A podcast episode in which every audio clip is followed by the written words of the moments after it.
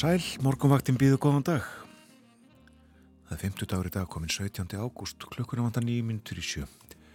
Um sjónamenn þáttarins Þorun Elisabeth Bóadóttir og Björn Þór Sigbjörnsson. Og það er eins og uh, svo lengi hefur verið ágætisviður á landinu. Það er uh, viðalogg eða hægur vindur, hlýðis ekki góla, svona það sem að mest hreyfing er á logninu og býstna hlýtt. En uh, við erum hvað skíjað sínist mér? Skíjað til að mynda í Reykjavík 12 steg að hitti klukkan 6 í morgun. Fjóri metrar söðaustan 14 steg að hitti á Kvaneri 7 metrar þar. 14 líka í Stikisólmi 5 metrar. 12 stiga hitti bæði á Patrísfyrði og í Bólungavík 10 gráður á Holmavík 13 á Blöndósi 12 stíga hitti við Söðanessvita logg 11 gráður á Akureyri 2 metrar. 10 stíga hitti á Húsavík logg 8 gráður á Rauvaröfn 9 á Skjaldingstöðum 10 stíga hitti á Eilstöðum og 11 stíga á Höfni Hótnafjörði 9 gráður í Kvískjær 10 stíða hitti á kirkibæðaklustri 12 stíða hitti á Stórhæði og Vesmanu og 10 stíð í Árnesi 5, 6, 7, 8 stíða hitti á Hálendinu eitthvað svo leiðis Þórun, eh, mun sólinn skýna þetta? Áttar þið á því? Ekki mikil sól endurlega í kortunum fyrir daginn í dag eh, Rikning eða súld engum vestanlands en verður þurft þó að það sjáast ekki við þetta sólar á Östurlandi austan megin á landinu. Það er suðaustlega átti á 5-13 metrar og stittir viða upp suðvestanlands í kvöld. Á morgun regning með köplum sunnan til og suðaustan 8-15 metrar á sekundu kvassast siðst en hægari vindur og þurft norðan heiða. Og áfram frekar lít 12 til 20 stig hlýjast norðaustanlands og uh, það er tekið fram í hugleðingum viðurfræðings að það er í gildi aðtjóasemt vegna snarpra vindkviða undir eigafjöllum og í mýrdal á morgun. Það er þetta að það verður kvassast siðst á landinu og uh, þessar kviður geta verið varasamar aukumönnum til dæmis með tengivagna. Það er sem sé allmikil og hægfara lægð langt söður í hafi sem að stýrir veðrinu. Og uh, gerir það fram yfir helgi. Það þýðir að austanáttir verða ríkjandi. Og lægðin blæs hlíulofti yfir landið þannig að hitatölur verða með skástamóti segir í húleðingum en hlíaloftinu fylgir vitaskuld einnig raki frá hafinu umhverfis sem skilar sér í rikningu eða súld með köplum engum sunnan og vestanlands En svo segir til allrar hamingju fyrir gesti menningarnætur Reykjavíkur á lögadag verðast úrkomi svæðin hafa fjarlagslandið það mikið að byrti til á Suður og Vesturlandi. Flugaldasýningin ætti því að sjást vel á öllu höfuborgarsvæðinu sem eflaust mun glæði að hátíðargesti. Eflaust. Og uh, já, það uh, viðra vel til útífistar um helgina sjáum við í kortunum, spákortunum. Já, ekki bara á höfuborgarsvæðinu þar sem að menninganótt verður heldur Nei. um allt land. Útilegu viður, jáfnvel. Jáfnvel. 20 steg að hitti á norðursturlandi til að mynda á lögadag og 18 steg að hitti á kvanneri. Það verður fínt viður ef þetta gengur eftir. Við tókum okkur stöðu við Plötuspilaran, setjum að stað fyrsta lag þáttarins þennan morgunin. Já, við ætlum að hlusta á lag sem heitir Let It Be Me. Þessi útgafa með Betty Everett. Lagið er upprunalega frá árinu 1955, þá kom það út á frönsku og eh, svo var það vinsælt á heimsvísu á ennsku í flutningi Everly Brothers árið 1959. Svo söng Betty þetta 1964 með Jerry Butler en þarna syngur hún nú bara einn og uh, svo hefur fjöldin allir af tónlistamönnum tekið þetta lag upp á sína arma. Það er hægt að nefna Sonny O'Shea, Nancy Sinatra Tom Jones, Elvis Presley, Bob Dylan Nina Simone, Rod Stewart. Þau og öll einhverjar útgáfur á þessu lægi Let it be me.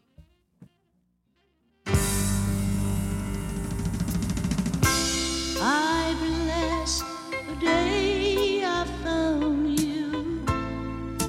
I to stay around you, and so I beg you, let it be me. Don't take this heaven from one if you must cling to someone now and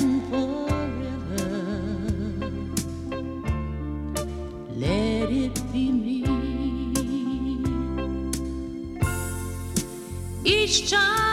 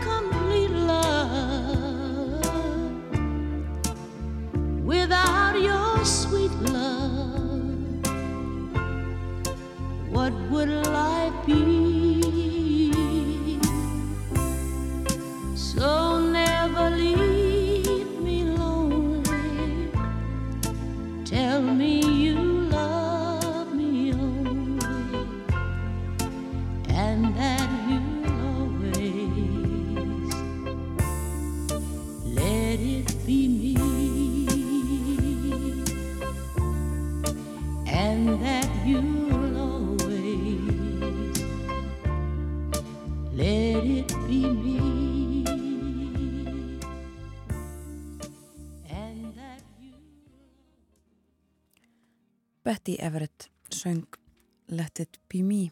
Það var fyrsta lagið sem við leikum á morgunvaktinni þennan morgunin og við förum að hleypa fréttastofunni að. Að líður að fréttum þær eru á slæginu klukkan sjö. Að þeim loknum snúum við aftur og förum þá ítalega yfir dagskráð þáttarins í dag. Lítum leiki blöð og spilum meiri tónlist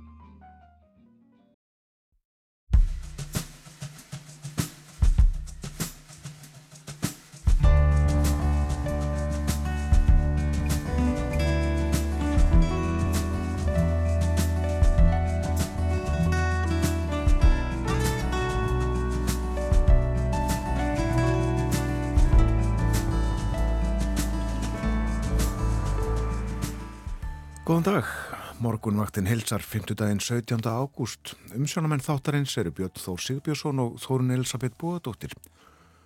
Innrásinn í Úkrænu, fótbolti og færiska eru til umfjöllunar í þættinum í dag. og förum fyrst yfir það að í heimsklukanum ræðir Bói Ágústsson við Erling Erlingsson, hernaðarsakfræðing og fyrverandi starfsmann saminuðu þjóðana og NATO. Þeir ræða um hernað rúsa gegn grönnum sínum. Erlingur fylgist vel með gangi mála og þeir Bói velta meðal annars fyrir sér mögulegri framvindu. Færiskar krásir, eh, fóitar greiðir, nefnist færiskur matreðslu þáttur sem að síndu var í sjónvarpinu á þriðutæðin og þetta var fyrsti þáttur af þremur. Umsjónamennir Trándur og Kári eru sjómasmenn hjá kringvarpinu og elda og baka eftir færiskum uppskriftum og við nótum tilöfnið og spjöllum við Marentsu Pólsen, veitingakonu um þáttinn, um færiskar mat um eh, færiska tungu kannski líka svolítið um fótbolta. Og taland um fótbolta, nú er ljóst að það verða ennsku og spænsku liðin sem að mætast í úrslitum heimsmystara móts kvenna í knasputnu á sunnudaginn. Mótið hefur verið spennandi og skemmtilegt. Við ætlum að fara yfir það og kvenna fótboltan með áskerði Stefaníu eða Öttu Baldurstóttur. Hún er knasputnu þjálfari og sérfræðingur. Höfum yfir. Veðurspá dagsins, suðaustlega átt 5-13 metrar með rigningu eða súld, engum vestanlands, en þurft að kalla norðaustan til og það stittir víða upp suðvestanlands í kvöld. Hitti í dag yfirleitt á bylinu 12 til 20 stig, það verður hlýjast norðaustanlands, 20 stig að hitti þar. Og uh, á morgun förstu dag, uh, suðaustlega átt 5 til 10, aðeins kvassara siðst, 15 metrar kannski þar, dáli til regning eða súld öðru kvoru á sunnaverðurlandinu en annars þurft að kalla. Og hitti á morgun eins og í dag 12 til 20 stig og áfram hlýjast á norðausturlandi svalara í þokulofti við austurströndina. Og uh, svo er það helgin þúrun Já, þá er hátíð í bæ. Það var hátíð í bæ og uh, útlitt fyrir fínasta veður eins og uh, tekið er fram í hugleggingum veðurfræðings að þá hefur hafa úrkomu svæðin fjarlægst landi það mikið að það byrti til á söður og vesturlandi. Og uh, það verður gott veður eiginlega allstaðar, það verður skíjað og smá súld austast á landinu annars bjart með köplum og hitin 9 til 19 stig á lögadag og uh, mér sýnist þetta að vera í höfuborginni bara svona eins og bestverður á kosið. Sólinn fer ekki að skína fyrir en að kannski síðustu hlaupararnir eru, eru komnir í mark eða um það byll en uh, verður svo heiðskýrt frá kaffileiti eða svo. Og það verður þá sól víðast hvar um landið setnipartin á lögadag og frameftir og uh, það verður líka heiðskýrt og hlýtt framann af degi á sunnudag á höfuborgarsvæðinu en þá tekur hins vegar að rigna uh, annar staðar á landinu. Það verður lítilsáttarregning eða súld austan til en annars bjart með köplum og áfram hlýtt á landinu uh, um helgina og þessa fyrstu daga í næstu viku ef að spár ganga eftir. Við lítum í blöðin, byrjum á fórsíðu morgunbladsins uh, og uh, það er falli mynd tekin úr flugvel í gær af uh, öskjuvatni og víti. Og fjallaðum um uh, jarðhræringarnar þarna, land heldur þar áfram að rýsa og uh, hallin frá miðju vassins heldur áfram að aukast. Blaðamaður og ljósmyndari morgunbladsins voru þarna í gær með uh, vísindamönnum og uh, það er fjallað um þetta inni í blaðinu. Og uh, er líka yfirlitt samantækt uh, yfir eldstöðvar þar sem skjáltavirkni landris eða aukins jarðhitta hefur orðið vart. Og þetta eru 12 eða 13 eldstöðvar. En öskrar djúft í rótum lands, segir hér í fyrir svo. Nú, uh, það er rætt við uh, Lilju Alfreðsdóttur, menningar og viðskiptar á þeirra og uh, hún segir að fjöldi ferðamanna sem sækja Ísland heim sé ekki orðin of mikill. En komist mann að þeirri neðustöðu að svo sé þá er nú ekki flókið að grípa til aðgangsstýringa. Og bendir á að það sé hægt að gera það á kjaflaugur hlutli segja bara nei. Fleiri flugular fá ekki að lenda hér nú uh, fleira að fórsvíða morgunblaðsins uh, Ívar Ingimarsson sem að rekur ferðarþjónustu fyrirtæki á Óseyri í stöðafyrði hann hefur lagt fram stjórnsýslu kæru til innviðaráðuneytisins vegna áralangs ágangs söðfjár á jörðsynni krafist þess að sveitafélagi fjaraðbeð smali fjennu af jörðinni og uh, segir að sveitafélaginu beri að gera það lögun sangkvæmt en við því hefur ekki verið orðið og uh, hann ætlar að sækja skadabætur vegna þess og fleira að fá síðurni sagt hér frá grein sem að Bubi Mortens skrifar í blæði í dag, uh, aðsend grein. Um uh, íslenskuna. Bubi rýs til varnar íslenskunni segir hér. Og uh, yfirskriftin hernaðurinn gegn tungunni. Og uh, hérna er uh, er feilletraður lítill bútur Íslenskan er límið sem bindur okkur öll saman, móður okkar, fadir okkar, í raun okkar aðri máttur. Og uh, Bubi segir, ég fór um daginn að hugsa um lögin mín, blindsker, Rómi og Júliu, Afgan, gott að elska, fjöllin hafa vakað, sinnettu og regnbóðan stræti, svo einhver síu nefnd. Öll samin á íslensku fyrir fólkið sem talar og skilur málið. Íslenskan er kjarnin í listminni, hjartað í lögunum. Ég hef værið hættur og smættaður fyrir það að ég var í skrifblindur, ekki skrifandi á íslensku. Hér áður fyrir töldu mentamenn mig jafnvel ógna tungumálunu. Þó er það svo að íslenska mín er auðskilin og lögin mín hafa ratað í hjarta þjóðarinnar vegna þess að þau eru sungin á íslensku. Bubi Mortens í morgunblæðinu í dag. Og uh, förum þá út í heim. Það er uh, rætt um útlendingamál á fórsíðun á politíkan í Danmörku í dag. Og uh, rætt þar við fjölskyldu frá Nepal sem að hefur verið gert að yfirgefa Danmörku. Uh, fjóra manna fjölskylda sem að sést á fórsíðumyndinni uh, og umræða um mál þessar fjölskyldu í dönskum fjölmjölum og stjórnmálum. Um, maðurinn er fjölskyldufadurinn kokkur, vinnur uh, sem slíkur. Það vantar starfsfólk á veitingahús og í eldhús í Danmörku.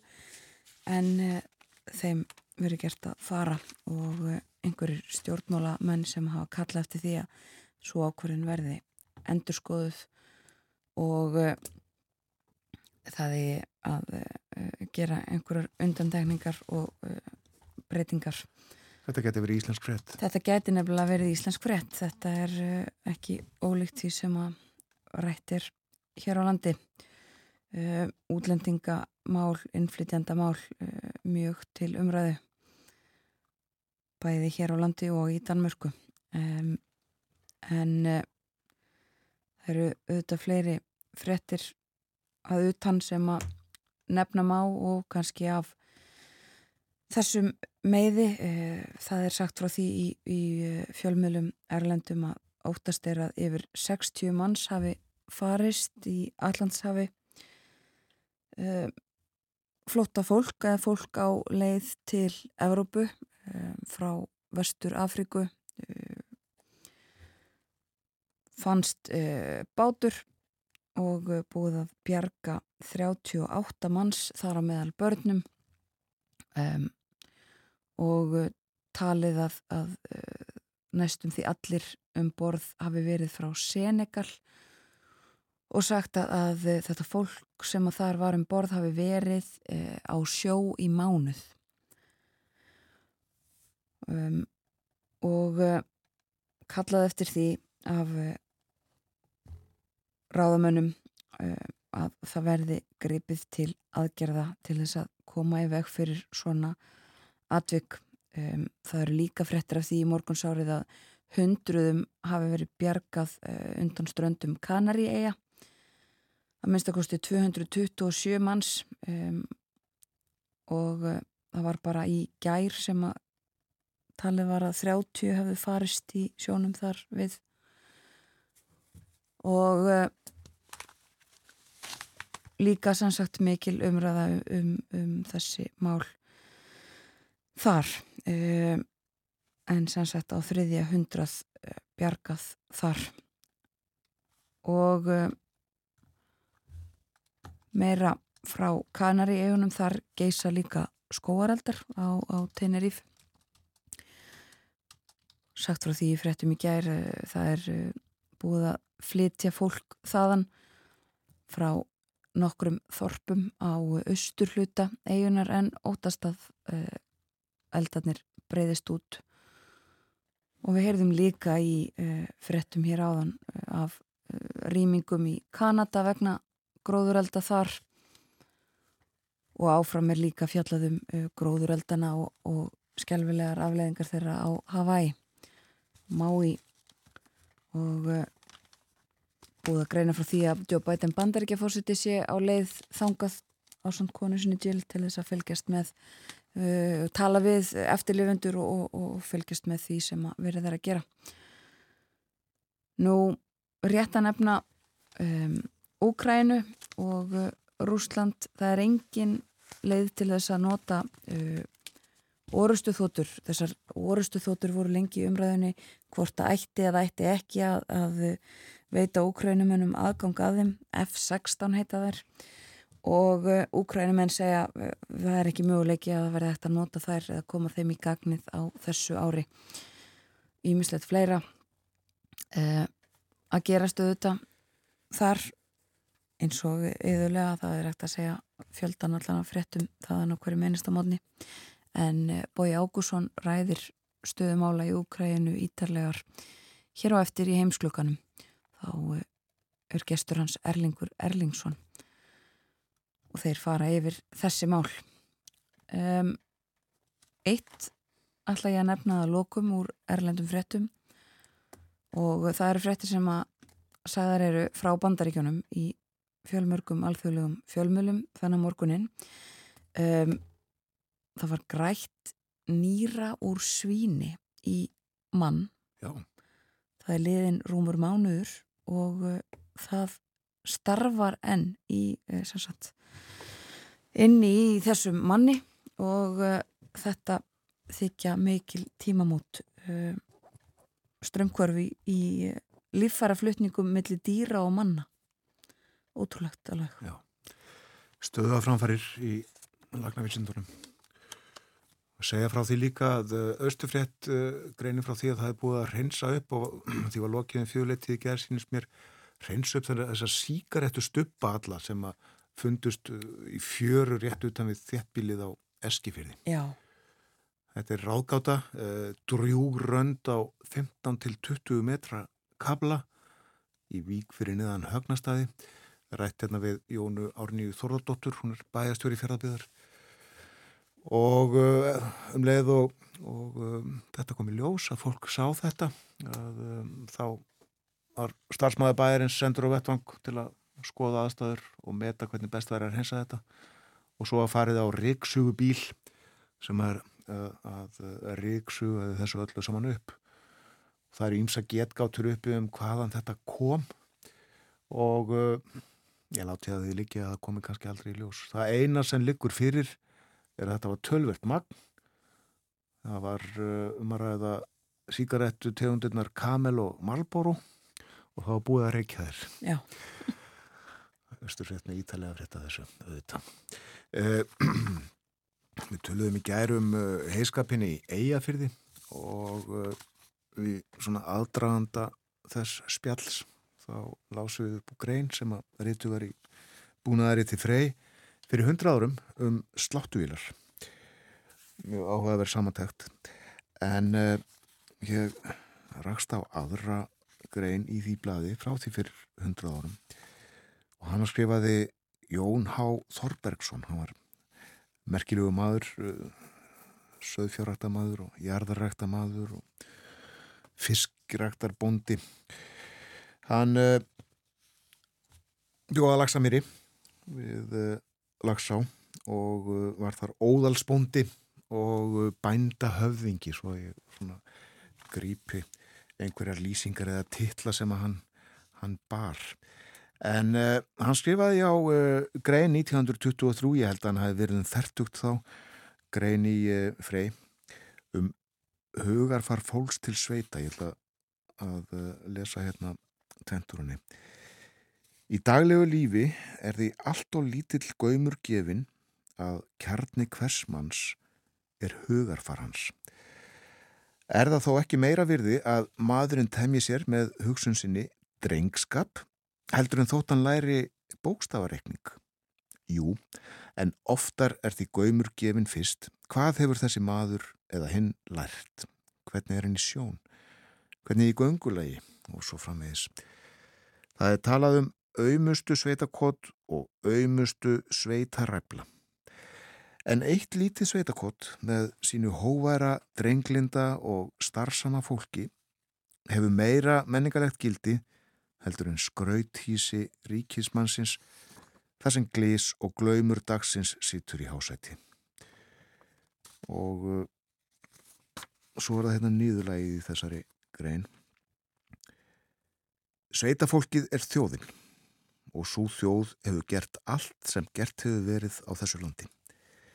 Hún hefur byggt upp þorp og kaupstæði landsins. Hún hefur lagt til rithöfunda og hvers konar aðtorkumenn.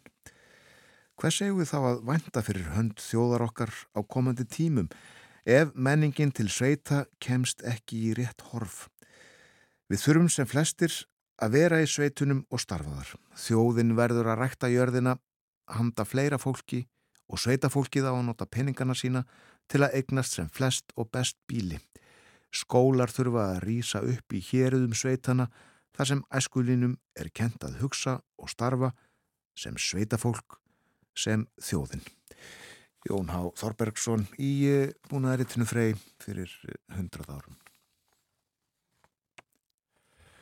Og uh, nýr, í nýri grein vitniði við áðan, uh, grein Bubba Mortens í morgumblæðinu í dag, hernaðurinn gegn tungumálunu er yfirskrift hennar og uh, ég lasa aðeins úr henni áðan til vitnum þar sem að nefnir nokkur laga sinna blindsker, Rómeo og Júliu, Afgan, Fjöllin hafa vakað, Sinnetu, Regbóðanstræti og gott að elska.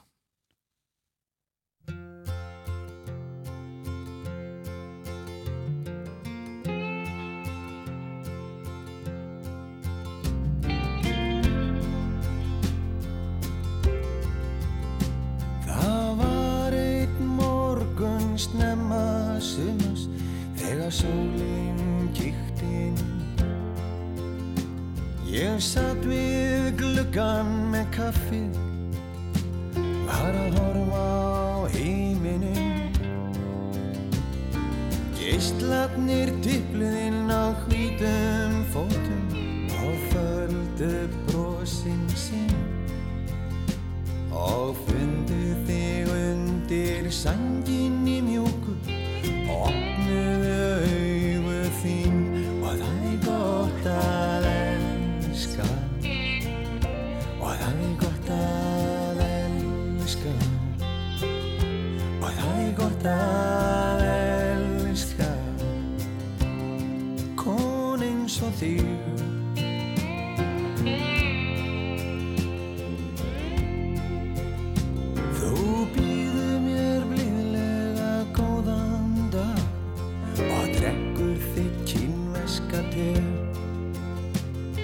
Dimblá fegur þögna þinna er það eina sem ég sé.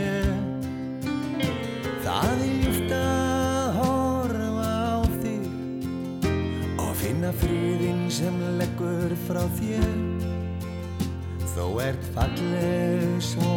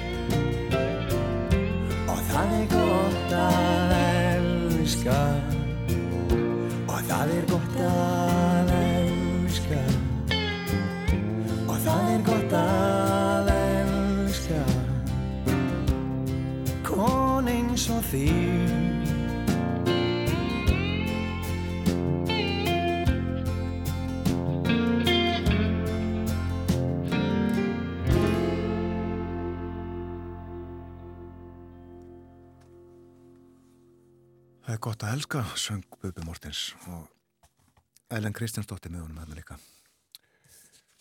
Líka þetta svona í tengslu við þessa grein sem að reytar í morgunblæði í dag um uh, stöðu íslenskunar og það sem hann kallar hernaðin gegn íslenskunni.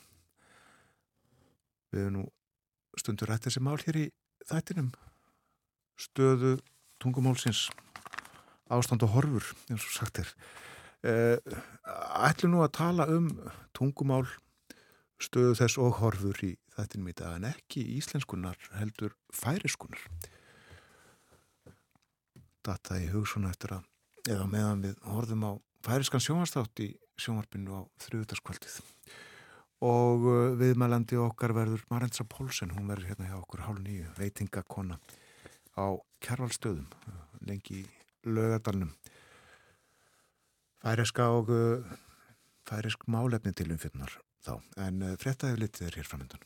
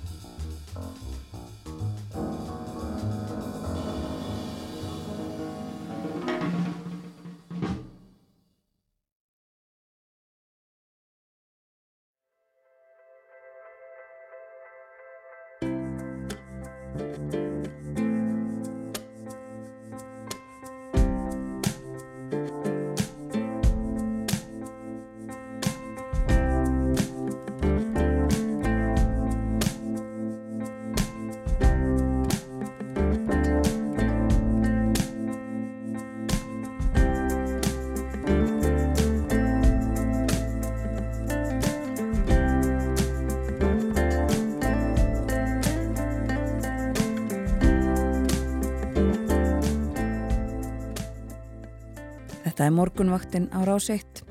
Klukkan orðin liðlega hálf átta þennan 50 dags morgun. Það er 17. ágúst í dag. Tímin liður. Og uh, við lítum aðeins til veðurs. Það er uh, hlýtt, mildt og gott veður viða um landið en uh, ekki mun sjást til sólar í dag að minnst okkast ekki viða á landinu. Suðaustlæg átt með rigningu eða súld engum vestanlands þurft að kalla norðaustan til. En stittir viða upp suðvestanlands í kvöld og á morgun suðaustanátt 8 til 15 metrar á sekundu og rigning með köplum sunnan til. Kvassast siðst á landinu svo kast að e, það gæti verið varasamt fyrir aukumenn með tengivagna og, og slíkar bifriðar að vera á ferðinni svona allra síðst en hægari vindur og þurft norðan heiða. Og hitin frá 12 til 20 stigum hlýjast uh, til 20 stiga hlýjast norðaustanlands bæði í dag og á morgun. Áfram hlýtt svo um helgina og uh, þá verður sólríkt nánast um allt land. Og ljómandi veður í Þórsöfni færiðum, skýjaraunar sem stendur, uh, 11 stiga hitti en uh, sólu fyrir að skína þegar líður á daginn. Og uh, hvers vegna nefni ég það? Uh, því að þangað fyrir við upp úr hálf nýju. Í huganum þar að segja, hjá okkur verður Marensa Pólsen, veitingakona, á uh, Kjærvaldstöðum. Er þar með veitingastofuna, var lengi í laugadalnum með uh, Flóru. En uh, hún ætlar að tala við okkur um uh, færinskar mat, færinska uh, sjónvarsþáttagerð og uh, stöðu færiskunar, færisku tungunar. Og uh, tilefni þessi þáttur sem við sáum í sjónvarpinu á þrjúdagskvöldi þar sem að dróndur vatnamar og Kári Solstein elduðu og bökuðu upp úr færiskum uppskriftabókum. Marantsa verður hér já uh, hálf nýju en uh, eftir morgunfrétnar þá ætlum við að tala um uh, fótbolta, fótboltan í Ástralíu. Já, heimsmestaramót kvenna í fótbolta nær hábúndi sínum um helgina. Það eru úrslitin verða, það eru ennsku stelpunar og spænsku sem að mætast í úrslitum, það var ljóst í gær um hátegi og við viljum að fara aðeins yfir mótið, uh, svona forveitnast um uh, hvað við borið hæst, hinga til og uh, tala svolítið um hvenna knaðspilnu sem er í sókn það er ótt að segja það. Til okkar kemur Adda Baldurstóttir hún er knaðspilnu kona þjálfari og það sem er kallað oft sparkspekingur í sjónvarpi Góð, góð hún er titill. uh, einn af þessum sérfræðingum sem að, uh, hafa verið í HM stofunni og uh, greint leikina á þessu móti Hún veit hvað hún syngur. Já, og uh, verður hér hjá okkur eftir frettinnar klukkan átta en nú er hins vegar komið að heimsklukanum og uh, við ætlum að hleypa boga águstinni að hann uh, fekk til sín gest og hlýðum á uh, samtal þeirra. Erlingur Erlingsson, hernaðar sakfræðingur, þú hefur fylst vel með þróun mála í Úkrænu og stríðinu þar. Manni virðist nú eftir að Úkrænumenn hófu þessa gaggsók sem að lengi hafði verið beðið eftir að það gangi mjög hægt og eiginlega ekki neitt. Þetta minnur einna helst á fyrir heimstyrjöldin og skotgrafa hernaði þar. Hafa Úkrænumenn burði til þess að rjúfa výlínu rúsa?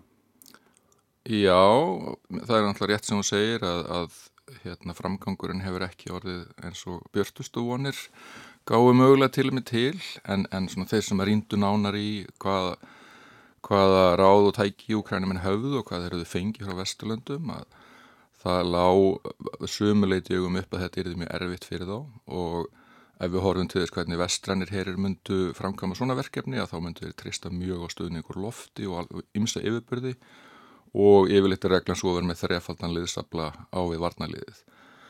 Þannig að erfitt hefur þetta reynst en það er ekki útsið með hvort það takist. Nú er hins vegar vandamál úkrænum að klukkan vinnu gegn þeim, það stýttist í leðju og, og, og höst og svo vetur í framaldi og það mun gera alla framsók miklu erfiðari.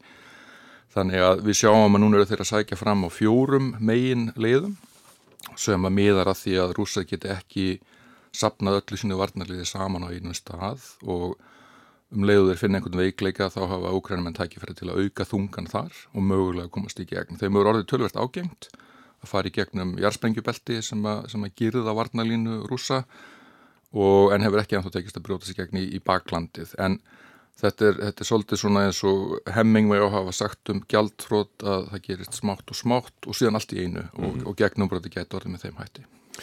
Og sumir hafa velt upp þeim möguleika að takist úkrænumönnum að brjótast í gegnum výlinn og inn í baklandi eins og þú kallar það að þá gæti eitthvað svipa gerst og gerðist síðasta höst í Karkív að það var vegilega það brast flótt í, í rúsneska herin og úkrænumenn náðu stórum landsvæðum. Já, það, það er vonin og, og klálega það sem úkrænumenn og, og bakhjalla þeirra á Vestlundum hafa verið að reikna með að baráttu þreg rúsneska hersins sé mjög laskað. Þeir hafi mjög skert að getu til að bregðast við svona gegnubrótum eða komið viðbrasli hratt til að stöðva, stöðva það og það byggir mjög á stórskotaliðsvopnum sem úkrænumenn hafa fengið og geta þá unnið gegn því að rúsa flyti svona viðbrastlið. Þannig að það, það er stór möguleiki en við munum verið að sjá hvort að það getur lukkast á næstu 4-6 vikum. Afstafa Vesturlanda til eh, þessara styrjaldar og til aðstóðar við Úkrænu, það mátti í upphafi um, í februar 2022 að uh, þá virtust Vesturland og Vestræn ríki vera mjög treg við að uh, senda Úkrænumönnum annað heldur einn hrein varnarvopni eins og skriðdregabana og eitthvað annað slíkt. En þetta hefur breyst og ég veit að þú og Fridrik Jónsson þið hafið skrifað greinar þar sem að þið hveti Vestræni ríki til þess að endurskoða þessa afstöðu sína. Viltu aðeins fara út í það? Já, við, við höfum aðeins verið að skrifa í erlenda miðla og reyna að taka þátt í þeirra umræðu og okkar matöfu verið að Vesturland hafi verið eins og sér oftreg og, og þegar þeir hafa síðan gefið úkrænum önnum og sendið betri vopn, hvort sem það voru skriftryggar eða, eða, eða brinnvarinn faratæki fyrir fókangulíð stórskotulegsvopn og annað þá hefur verið mikil umræð og mikil aðdrand að þau loksins bárust og svo hefur magnið sem þau berast í mögulega ekki verið náðu mikið til að skipta sköpum. Sumir hafa sagt, sumir sérfrængar hafa sagt að Úkrænum hafa fengið nóg til að tapa ekki stríðun en ekki nóg til að vinna stríðu og það virðist ennþá vera staðan. Nú eru Úkrænum að fá þjálfun að fljúa F-16 og Mirage orðstóðhóttum sem er munið hafa einhver áhrif en þetta er vantilega ekki nógu miklu magnið til að gera breyta vikstöðunni. Þannig að nú eru við að horfa á svona hálfgerðan mulningsherna þar sem þetta stýst mjög mikið um úttalt herjana begja, líka um pólitíst úttalt landana tveggja og það hefur gríðarlega mikil áhrif eins og menn þekkja reynlegur fyrir og setni heimstöld þar sem að það er mögulega reyð úrslut um hvað gerist heima fyrir bæði í, í Rúsland á þeim tíma og Þískalandi síðar. Þú nefnir og nefndir áður yfir á því lofti og úkrænumenn hafa farið fram á að fá nútíma vestrænar herþótur, þeir eru að notast við herþótur frá sovjettímanum uh, hvernig stóð á því eða hvernig stendur á því að rúsum tókst í upphafi ekki að ná hernari en yfirbörlum í lofti? Já, það, það er kannski það sem kom sérfræðingum mest á óvart að við vitum nú sem við vissum ekki þá að það eru líklega bara bandaríkin sem geta brotið á bak aftur loftvarnakerfi ríkja sem eru svona að fyrstu eða annari getu gráðu það hafa rúsar ekki. Og það er mjög erfitt verkefni eins og við séum bandarækjumin eiga við í Írak og þegar menn hafa rætt um mögulegan hernakinn Íran. Það er mjög kostnaðarsamt bæði í tækjum og mannabli mögulega og tímafrekt og erfitt að brjóta niður svona flókin lagskipt loftarnakerfi rúsar hafa ekki haft þess að getu og við kannski ofmátum möguleika þeirra á því. Og þar með er svo staðan að, að þeir hafa hvað ég var að segja, forskott í lofthernaði en ekki full yfiráð. En með nýjum nútíma vestrænum þóttum sem eru kannski ekki allra nýjasta kynsluðun því að við erum að tala um F-16 þóttur, við erum að tala um Mirage þóttur sem eru ekki alveg splungu nýjar þó að þetta, þessar velar hafi verið endur nýjar væri einhver vonum það eða möguleiki á því að úkrænumenn gætu náð uh, yfiráðum í lofti? Nei, því meður eru engar horfur að þeir geti náð því. Það þurfti að uppbyggja upp frá grunni loftarnars kerfi úkrænumanna sem er þá á jörðu niðri til að venda flugulega, stjórnstöður og stjórnkerfi og síðan gríðalegt magna af, þótum og öðrum stuðnisbúnaði. Það sem að vonin er með að þeir fái kannski einhverja tugi af orastu þótum svona er að þeir geti mögulega breytt vikstöðinni í kringum sínar gagsóknir og gagvart mögulegum rúsneskum gagsóknum. Það er þannig að Þannig þóttur geta gert loftárásir úr töluverðri fjarlægð gegn slíku sóknaliði eða varnaliði og síðan það sem hefur staðið úkrænumennum mjög fyrir þrefum í þessum sóknarþreifingum er að rússar hafa geta notað árásaþyrlur úr töluverðri fjarlægð bak við sína varnalínu til að skjóta á brinnvarin faratæki og skriðtækja úkrænumanna og deyfa þannig sóknina þeirra og svona þótur getur mögulega ógna þannig þyrlum nógu mikið til að þær væru ekki lengur áhrifavaldur í þeim átökum.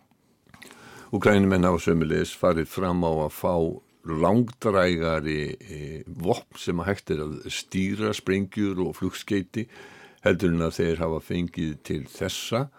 Uh, gætu slík vopn eins og uh, hvað hafa verið GLSDB eins og það er nú þjált í munni haft úsleita áhrif Já, þau gætu haft bæði áhrif á vikstöðun og vígvellunum og mögulega á áhuga rúsa á að viðhalda hernaðan. Þeir myndu sjá fyrir að vikstöðan væri það breytt að það þetta úslitum. Þeir hafa fengið vopn aðeins í þessa veru frá breytum, þessi hérna, langdrægari flöga sem þeir hafa beitt.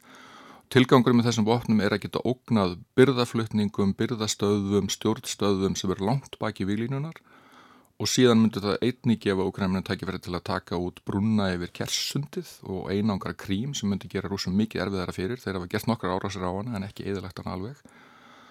Og þannig að já, það myndur mögulega breyta stöðinni gríðarlega mikið það er að rétta árétta að úgrænumenn sem var barist mjög hetulega og náðu miklum árangri eru að heia þetta stríð með hætti sem að Vesturlund myndi aldrei sætta sig við. Án mikil stuðnings úr lofti og með ákveðinu takmörkunum sem að Vesturlund hafa sett þeim í kringum það að láta það fá búnað svo sem að gera ekki árás inn í Rúsland nema takmörkuðu leiti. Slík, slíkar reyfingar á vígvellinu gætu líka breytt vígstöðinu mjög mikið og rúsum úr jafnvægi. Svo maður nefnir til dæmis bara að sækja inn í áttina að hérna rúsneskum borgum inn yfir landamærin þó að vera ekki nema þreyfingar það geti virkilega komið rúsum úr jafnvægi og Ukrænumenn hafa sótt, uh, sætt sig við miklu meira mannfall heldur en að Vesturlund hafa þurft að uh, líða í styrjöldum uh, sem þau hafa staðið í á undanförnum áratugum. Já, við vitum í raun og ekki mjög mikið um þeirra mannfall því að mjög eðlilega haldi, þeir haldi því leindu eftir fremsta megni en mannfallstölunar samt hallagriðilega á rúsa, það verðist verið að sé einna móti þremur, einna móti fimm eitthvað slíkt en, en já, þá skortir mikið þessum stuðningstækjum og, og, og, og ráðum til þess að komi vekk fyrir mannfall og bregðast við að herrmenn særist og slíkt. Þannig að, að mörguleiti hefur baráttu þrek þeirra verið meira en margir áttu vona á. Talandum bara áttu þeg, þú varst að í að því áðan að það myndi skipta miklu máli hvert, ég eh, getum við sagt, ríkistjórnir, eh, stjórnvöld í, í ríkjónum, hversu ákveðnar þær væru í að halda baráttuna áfram og uh, það virðist vera samkvæmt fréttum að Úkrænum en líti á þetta sem eiginlega styrjöld um tilvistarétt og uh, þá gæti maður ætlað að uh, það ekki þeim bara áttu þreg en hvernig er staðan rúslandsmegin við heyrum af því að andin, hernaðarandin, baráttuandin meðal hermana sé lítill og tröst undir manna á yðumönnum sé afskaplega lítið. Er þetta hlutu sem geti skipt máli? Já, vissulega og, og mörguleit er þetta, þetta hinn vonin og eins og þú sagðir að hann tengist mögulega gegnumbroti í gegnum vartaninu rúsa þá getur dominó röðin farið að falla það, með það sem það mikilvægt að segja um þetta stríð er ef, ef að Rúsland hættir að berjast á endar stríð ef Úkræna hættir að berjast á endar Úkræna mm. og, og þeir eru, þetta er gereyðingar stríð, rúsar hafa brotið alla alþjóða sáttmála þeir hafa allt, allt, framferði, allt framferði þeirra í átökunum stens til dæmis öll viðmið alþjóðasáttmála eh, gegn þjóðarmorði. Og, og það þekki allir söguna um þeirra stríðsklæpi nú þegar í stríðinu. Þannig að ég held að þrek úkrænum mann að sé í raun ótakmarka hvað þetta varðar. Og menn sáu fyrir þessi upp af átakana ef að kýf hefði fallið hratt þá myndu þeir stund að skæru hernað svipað og hefur verið gett í Afganistan og annars. Þeir myndu ekki, ekki gefast upp nýja sætta sig við yfiráð og, og ákveðna útrýmingur rúsa Moskvu megin er erfiðar að spá í það þetta stutta, stutta uppreist sem við sáum frá, frá matrislumanni Pútins, mm. það, það er mikið veikleika merki lélegu rekstur á hernaðanum á rúsa hálfur, annað mikið veikleika merki það hefur verið skipt mikið um yfirhersöðingja fram og tilbaka rúslandsmegin, þannig að þeir eru vissulega í bastli, en, en herrfræði Sovjet og Rússa í gegnum ára tugi hefur verið tölverð þjáning, fórna miklu mannabla og í reynu veru hafa meira úthald heldur en anstæðingun. Það er klálega það sem Putin veðjar á, að Vesturland missi þróttin og það hefur, sagan hefur sínt að það gerist í ákveðnum tilfellum. Síðan er stóri vafa faktorin hér er hvað gerist í november og næsta ári í bandaríkjunum. Og það eru fórsettakostningarnar og uh, það uh, gætu orðið mikla breytingar á stefnu bandaríkjana og þar með allra Vesturlanda ef að Donald Trump verði öndurkjörin. Já, Donald Trump eða í raun og veru einhver republikani úr, úr þessum viltari vangflokksin sem er núna allsráðandi vestra, þar er engin áhugi á svo miklum stuðningi nýja mögulega einhverjum stuðningi við Úkrænu og þetta er klálega eitthvað sem Putin er að veðja og horfið svolítið á klukkuna hvað þetta varðar. Uh, eins er spurning hvað Vesturland þó svo að kostningarnar færu demokrata megin, hvað, hvað þeirra úttald yrði langt en, en sérfræðingar hafa vissulega bent á það að fyrir 5% árlegum hernaður útgjöldum bandaríkjana hafa þeir gjörsanlega lama rúsneska herin í mögulega áratug þannig að hvað svona strategíska fjárfestingu varðar er þetta klálega í þið besta mál fyrir, fyrir NATO og bandaríkjana. Fyrir þessari vika hafa bárust fréttir um mikið gengisfall rúsnesku rúblunar og við vitum að Vesturlund hafa beitt eh, rúsa miklum efnahagslegum refsiaðgerðum og uh, hugsanlega getur þetta gengisfall verið partur af því, þeir get ekki selgt ólí á nema hvað, 60 dollara fyrir fatið uh, mest og það hefur dreigið úr útflutningi og þetta er partur af því. Að öllum líkindum kemur þetta nýður á uh, uh, getum við bara sagt á öllum almenningi í Rúslandi geta svona hluti skiptmáli heima fyrir?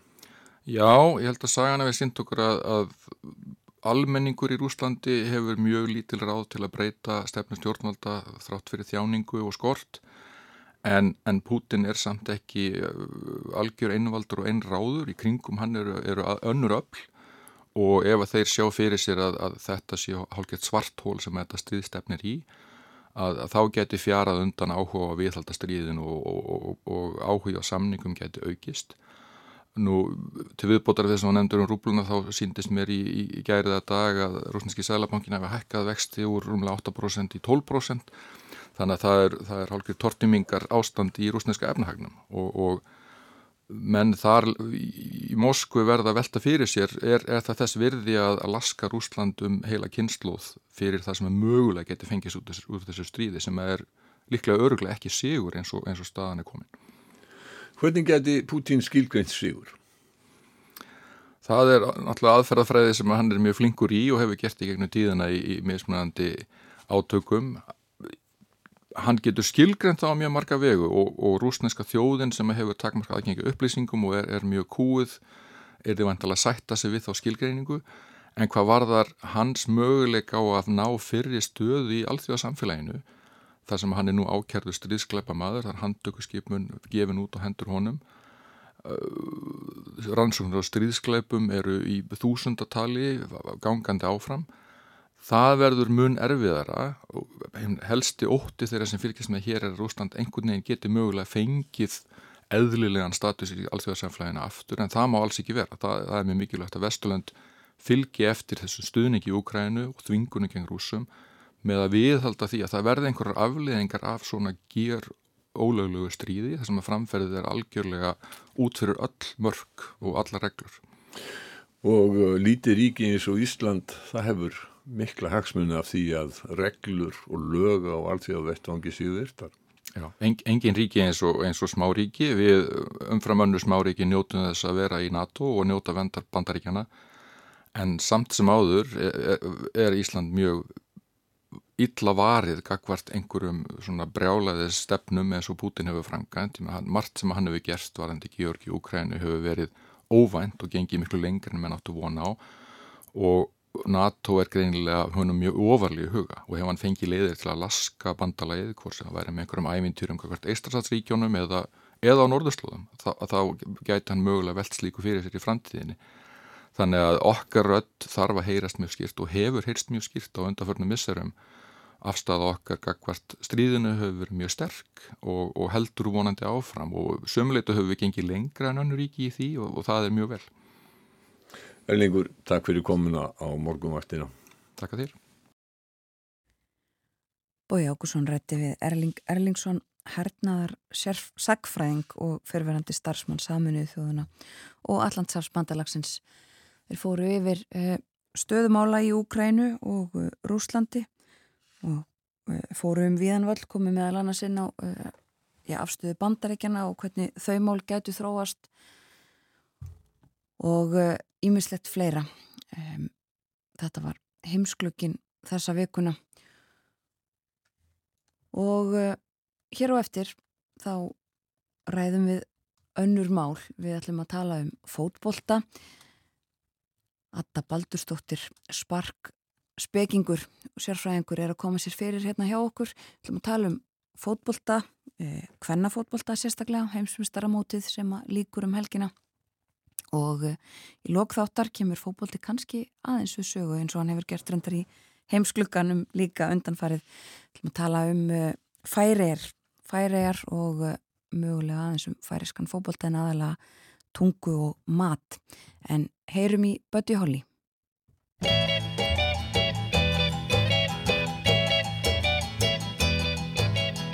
Heartbeat, why do you miss when my baby kisses me?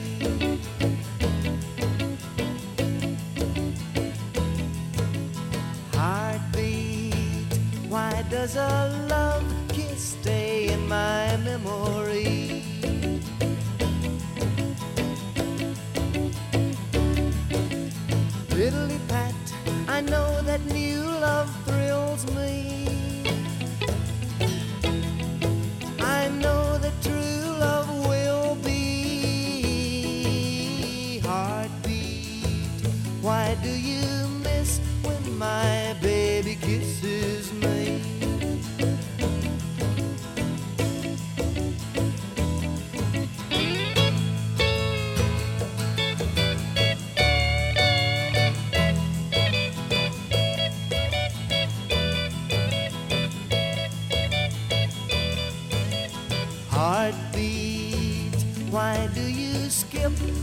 my baby's lips meet mine?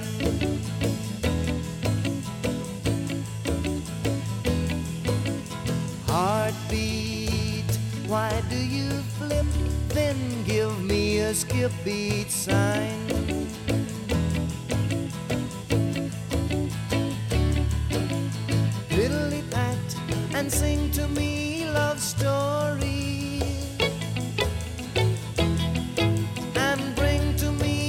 作ろう。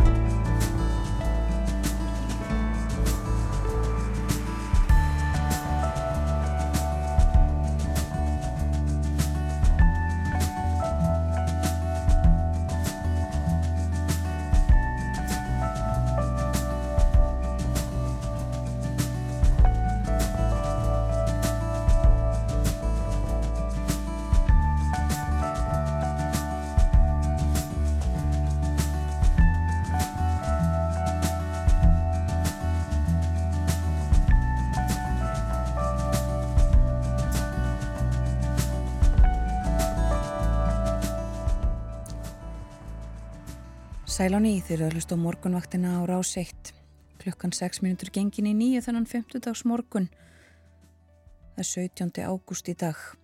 Ágúst hálnaður og uh, við ætlum að tala um fótbolta næstu mínúturnar. Höfum fylst með og haft annað augað yðurlega í útsendingum morgunvaktarinnar á uh, leikjum. Þeir eru á sérkennilegum tíma leikirnir í heimsmyndstaramóti hvenna í fótbolta í þetta skiptið fyrir okkur sem að hér erum. Og uh, yðurlega verið á mótnana um, og þar hefur verið umfjöllun í tengslum við alla þessa leiki og yðurlega situr hér í útvarshúsinu í efstaleiti og fylgist með og greinir uh, Adda Baldustóttir hún er knasputnu kona þjálfari og eins og við höfum nefnt í morgun þetta sem kallað er sparkspekingur uh, svona greinandi og hún er komin hérna til okkar, velkomin á morgunvaktina Takk fyrir. Við ætlum að tala um fótboltan, hverna fótboltan uh, þetta mót svona sérstaklega það eru þetta orðið ljóst núna um, hvaða lið mætast í úslitum England og Spán Byrjum bara á að fara aðeins yfir svona mótið hinga til. Hvernig hefur þér fundist það? Mér hefur fundist það bara held virkilega gott. Um, bæði bara fókbaltan út á velli, allt sem maður hefur séð í kringum það, um, mikill fjöldi áhörenda og maður sé mikið af fréttum og hérna heldina hefur þetta tekist vel til. Þetta er þetta skrítið eins fyrir okkur sem erum að vakna nóttunni eða snemma á mótnana að horfa á þetta en maður hefur alveg tekið eftir að það er mikið umtal og, og mm.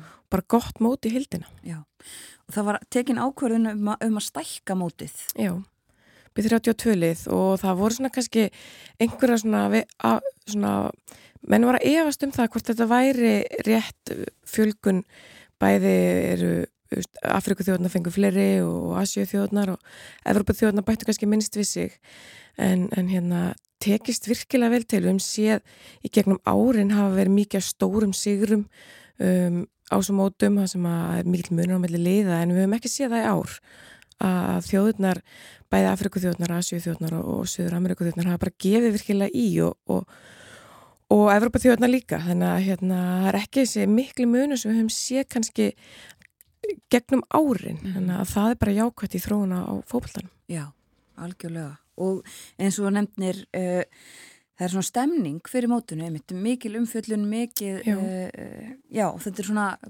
komið kannski meira inn í einhvern megin ströym hvernig fókbalting? Já, maður hefði tekið eftir, við tókum kannski fyrst eftir því á Evropamótunu í fyrra að það var óbáslega mikið umtal og metfjöldi og, og svo líka bara leikjum í stóru deildanum á Spáni og Englandi sem að er bara vellir sem að er bara uppselt á langt fyrir leikina og það hefur líka verið núna í ár við höfum séð bara nánast á hverjum leik það sem er, er yfir 40.000 áhörundur sem er bara virkilega gott og, og það gerist ekkert að sjálfu sér uh, bæði um fjöllun og, og leikmenn sem að hafa tekið svona spilin sínar hendur og verið mjög áberandi bæði hvernig það er talað um fókbaltaðan í helsinni og íþróttina og, og svo bara sést á vellinum.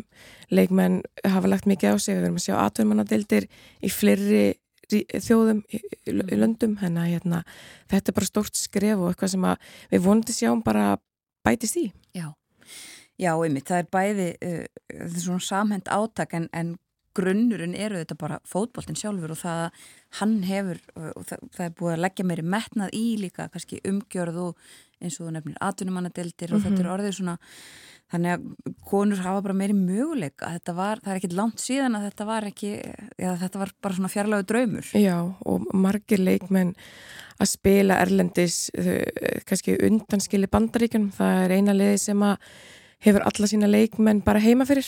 Um, annars erum við að sjá allstaðarans, það er sem bara leikmenn eru aðdunumenn og, og hérna þannig að það er bara jákvæmt en eins og er alltaf og í gegnum alltaf, þetta gerist ekkert að sjálfu sér og og utanumhald og, og umgjörð skiptir bara gríðarlega miklu máli og, og við sjáum það allstar hvorki sem átti heimi eða hér heima að, að þetta helst bara í hendur að áhugin kemur og mér, mér finnst áhugavert þegar Marta talar um sem er góðsögn í, í Brasili og hefur bara verið svona brautriðjandi í hvernig knastbyrnu er að hún talaði um að hún horfði ekkert að fókbólta en það var ekki síndur hvernig átt hún að sjá, hún var ekki með fyrirmyndir hvernig meginn, hvernig átt hún að sjá þar þannig að meira sem við sínum og, og, og tölum um og gefum sviðið að þá bara stækkar þetta í heilsin og það er ekkert hvenna fótbolti eða, eða það er ekkert undaskilið, það er bara á öllum vettvangi að hvernig eigum við að aflokkur upplýsinga ef þetta er ekki fyrir framn okkur? Akkurat Akkurat um, Sko aðeins aftur að þessu móti um, áttu þér ykkur uppáhaldslið, hvaða lið hafa þér þótt svona skemmtilegust? Mm, já, ég hef alltaf verið hrifin af spænska liðinu. Um, finnst það bara skemmtilega fótbolti. Uppgangurinn líka í Barcelona og mjög hrifin af verkefnin sem er þar. Þar hefur við séð til að mynda bara akadémir fyrir unga stelpur sem er nýtt og við höfum alltaf séð þetta kalla megin og bara skemmtilega fótbolti. Eh, svo hef ég verið mjög hrifin af hollenska liðinu. Bæði Andrés Jónker þjálfari tók við fyrir leikina mótu okkur og það var fyrsti leikinn hans hann hefur náð langt í svona taktiskum stíl. Hann var uh, aðstofþáli hjá Van Gaal kallamegin og, hjá Bæja Munjen hann hefur svona innleitt svona hollenskan fótbolta svona tótal fótbolta sem við höfum séð kallamegin uh, hefur gert það mjög fljótt hvernamegin þannig að þær hafa verið uppáldi hafa ná virkilega spila skemmtilega fótbolta. Og svo hef ég smá blæti fyrir Sarínu Víkmann þjálfara ennskaliðsin sem hefur bara gert magna hlut á sínum ferli og ge- gerði Hollanda Europameisturum fór með þeir í úslitaleikin uh, á heimsmeistarmótinu 2019 og, og gerir þar svo Europameistrunum í, í Englandi. Þannig að hún er líka bara stendur fremst svona kannski taktist fótboltamegin hjá kvennaliðunum tekur þró, þróar leikkerfin og, og þannig að ég pínu blæti fyrir henni Já. Eitthvað sem hefur komið þér svona óvart eða hefur þetta allt spilast svona eins og búist þér við? Nei, alls Nei. ekki mikið af óvendum úslitum og kannski liðin sem er að spila á sínu festa heimsmestramóti Marako hefur kannski komið mér mikið óvart þar sem að hann fer með þær í 16. úslit um, unnu sína fyrstu leiki þróun á, á markmunum hefur mér fundist líka áhugaverð það sem að, þú veist, maður hefur gegnum árin séð kannski mikið af áhugaverðu mörgum það sem að kannski bara mikið að langskotum og alveg fram að held ég seinustu leikum í riðlunum þá sá við fyrstu mörkin fyrir utan teig skot fyrir utan teig Já. það hefur verið áhugavert að fylgjast með svona þróun á markmannsmálunum Mm. sem mikið að góða markmannum Já. þannig að það er fullt af nýjum hlutum sem við séð í ár Já. Sem við vonandi fyrir bara að halda áfram að sjá á næsta árum Já. Um, einmitt, þú nefnir þetta Marokko, uh, svo eru einmitt svona, ég meina, Japan eh, stóðu svo vel og það er alls konar svona sem að væri hægt að draga fram. Já, Japan sko hefur náttúrulega var stórveldi Já. í kvennafótboltanum og voru bara, voru heimsmeistar 2011, hafa náð mjög góðum árangar með yngri landsliðin, þjálfarinn þar hefur þjálfað bæði 17 og 20 ára liðin þannig að það ekki leikmennina vel og það er jákvæmt að þær séu komnar aftur. Ég, man, ég spilaði minn fyrsta, eh, eina af mínu fyrsta landsleika móti í Japan og ég held ég að snert boltan svona fjóru svona með ótrúlega góðu leikmenn mjög svona takt tæknilega góðar um, og maður var bara, mann leiði eins og maður var inni í reit, bara í 90 mínútur þannig að hérna, þar erum við að sjá aftur uh, virkilega gott lið og, og svona enkenni líka bara svona japansk bara fólks mjög agaður og við sjáum það aftur á vellin þannig að gaman að horfa þær aftur Já. og, og bara þjóður sem hann spila sinu fyrstu, fyrstu mótum, Suður Afrika hefur líka heitla mig, það sem Já. eru mikið svona skemmtilegum leikmönnum uh, nýgríska liðið og þar tók maður líka eftir að leikmenn töluða eftir mótið þegar það er dött út að, að það hefur oft verið talað um að, þær eru bara snöggar og líkamlega sterkar en nú hefur bara séð mjög te svona teknísk góða leikmenn henni að fullt af svona áhugaverðum bæði leikmönnum margar með svona áhugaverða sögur þú veist það sem að þær hafa bara þurft að berjast fyrir því að spila fótbolta, einhverjar hafa jafnvel bara þurft að klippa sér hári til að þykjast vera stráka til þess að fá að vera með. Þannig að svona mikið að sögum sem að málega tala meira um. Og það sem er kannski eini svona svarti bletturinn á er að, að þjóðirnar sem að hafa gefið eftir hjá sambundum eins og afríska liðið þurfti bara að neyta að spila æfingarleik fyrir mót út af því að sambandið ætlaði ekki að steyða það. Það er svona það kannski það eina að maður vil fara að sjá sambundin í kringum þjóðirnar líka gefa þessu bara góðan fótundir, bara að gefa þess í þar. Já. Þannig að hérna, við eigum alveg, við erum komna langt en mér finnst alveg svona margt sem við megum gera betur. Já, má ekki gleyma því, einmitt. Um, en sko, og svo eru liðin svo bandaríkin, þær töpuðu þetta í, í uh, vítaspunni en, en það, þær hafa verið stórveldi. Já, bara algjörlega ríkjandi í heimsfópaltanum eru tvöfaldir heimsmeistarar og, og þekktu það svona áður fyrir bara fyrir svona mikla físik virkilega vel þjálfaðar og margir leikmenn í, í bandarska liðinu eiga fleiri landsleiki heldur en til dæmis félagsleiki þannig að þú veist það hafa verið oft bara svona langar svona turneringar hjá bandarska liðinu um, þar sem að það er að æfa bara meira með landsliðinu. En nú sjáum við bara að fleiri lið hafa gefið í í, í svona styrk og líkamlegu atgerfi þannig að þær eru ekki eins áberend á því sviði. Þannig að löndinni kring eru bæði að gefa eftir og að gefa í og svo spurning hvort að að þurfi einhver þróun eða þessi stað í bandaríkjunum þar sem að eins og ég kom inn á aðan að allir leikmennir spila í bandaríkjunum þannig að hérna, einhver hafa reynd fyrir sér í ennsku dildinu og annað en, en margar þarna bara í bandaríkjunum Já, það er ávart að sjá það akkurat. Uh, tölum þá hans einmitt um fótboltan í þessum tveimur uh, ríkjum sem að uh, eiga lið í úrslitunum. Mm Mhm. Þú nefndir áðan akademíunar á Spáni sem eru orðnar til þannig að, að bestu stelpunar eru farnar að æfa sem atvinnumenn bara Mhm. álinga, álingsaldri. Mhm. Er það líka þannig í Englandi? Uh, Þetta er ekki alveg sterk í Englandi en ennska úrvarsleitinni er búin að vera í stöður í framþróun og, og við sjáum það líki í umfjöllunum bara í Englandi hvað þetta er orðið stórt og, og mikið talað um það og við höfum séð bara leikminn kallalegisins vera á leikjum og, og þetta skiptur allt máli en, en í, í fyrra öðrubundum að sá maður hversu stórt þetta er og, og ef maður fór til Englands eftir móti að þá sjáum við bara að Mario Örps leikmaður Manchester United er bara á bara stórum pöllum þarna í Englandi og á Old Trafford það sem er bara stór mynd af henni og, og Rashford þannig og það er bara eðlilegt fyrir, fyrir hérna englendingina að sjá það og það er jákvætt. En, en það er kannski aðeins öðruvísi með Spán og Englanda að það er ekkert svo langt síðan að, að spænska deildin var atvinnumanna deild og, og Barcelona fór að gefa í en bara í Englandi er fótbolti nummer 1, 2 og 3 og það er kannski auðveldra fyrir þá að,